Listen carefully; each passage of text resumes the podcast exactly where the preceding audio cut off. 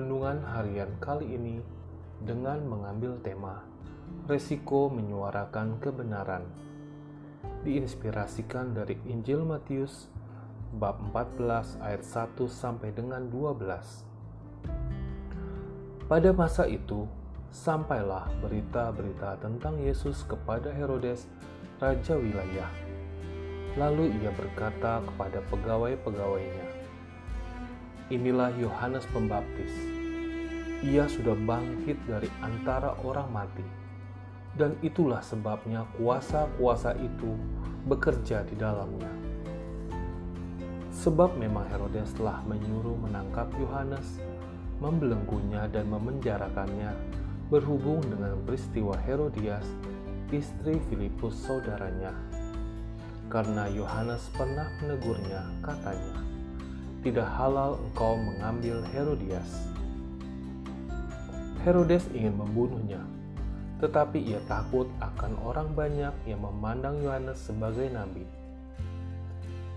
Tetapi pada hari ulang tahun Herodes, menarilah anak perempuan Herodias di tengah-tengah mereka dan menyukakan hati Herodes, sehingga Herodes bersumpah akan memberikan kepadanya apa saja yang diminta.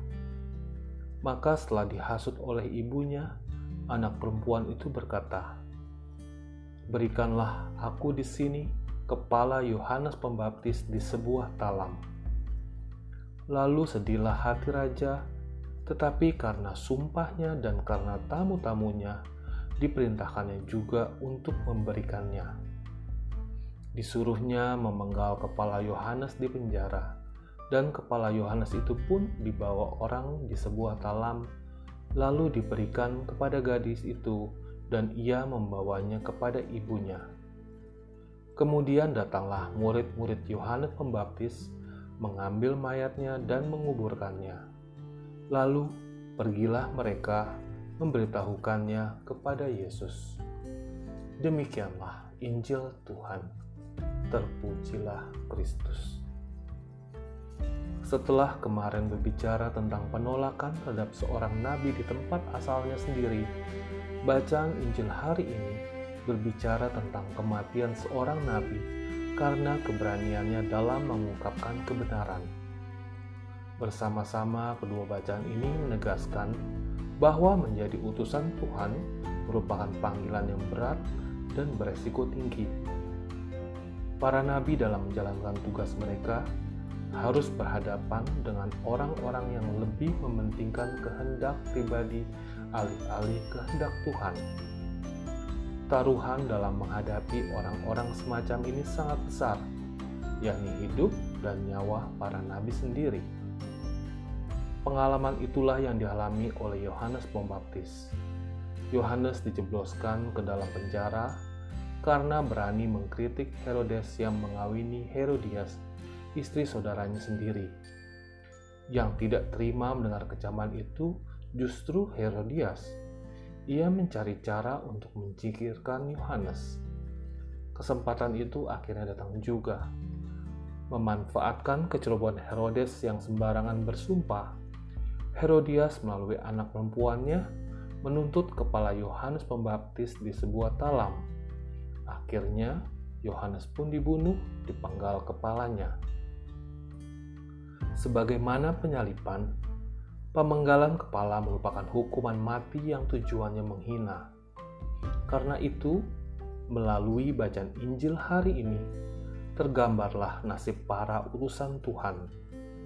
Mereka sering kali dianiaya, dilecehkan oleh para penguasa, yang meletakkan kepentingan pribadi di atas kebenaran dan keadilan. Bukan hanya penguasa, masyarakat pun tidak jarang bersikap demikian. Mereka justru tidak terima ketika ditegur atau diarahkan oleh para nabi untuk hidup secara benar. Perlakuan-perlakuan yang tidak menyenangkan itu mendatangkan dilema bagi kita ketika hendak bersuara untuk mengoreksi sesuatu, bahkan untuk sekedar menyatakan pendapat. Kita khawatir jangan-jangan orang lain tersinggung, lalu menjauhi, mengasingkan, memusuhi, atau malah menyerang kita. Akibatnya, ketika ada sesuatu yang tidak beres, kita dan banyak orang lalu memilih untuk diam saja. Apa pun yang terjadi terserah saja, yang penting saya aman. Demikian kita berpikir dalam hati. Namun perlu disadari bahwa kapan pun dan di mana pun kehadiran seorang nabi sangat diperlukan. Suatu kenabian adalah terang di tengah kegelapan, setitik air di padang gurun yang tandus, juga pedoman dalam memilih jalan-jalan kehidupan. Tanpa panduan yang dapat dipercaya, masyarakat akan berjalan menuju kehancuran, terprosok, lalu berakhir di jurang yang dalam. Karena itu, kita sebagai murid-murid Yesus dipanggil untuk menjadi nabi-nabi masa kini. Kita tidak perlu disebut nabi, tetapi semangat kenabian harus menyala dalam hati kita. Meskipun resikonya besar, harus ada yang berani menghadapi tantangan ini demi kehidupan bersama yang lebih baik. Mari kita menyiapkan diri kita untuk menjadi perpanjangan tangan Tuhan dalam menyuarakan segala firman dan kehendaknya. Amin. Tulisan renungan harian ini, hari ini ditulis oleh Pak Jarod Hadianto, Unit Naskah dan Penerbitan Lembaga Libika Indonesia. Terima kasih sudah mendengar. Tuhan memberkati.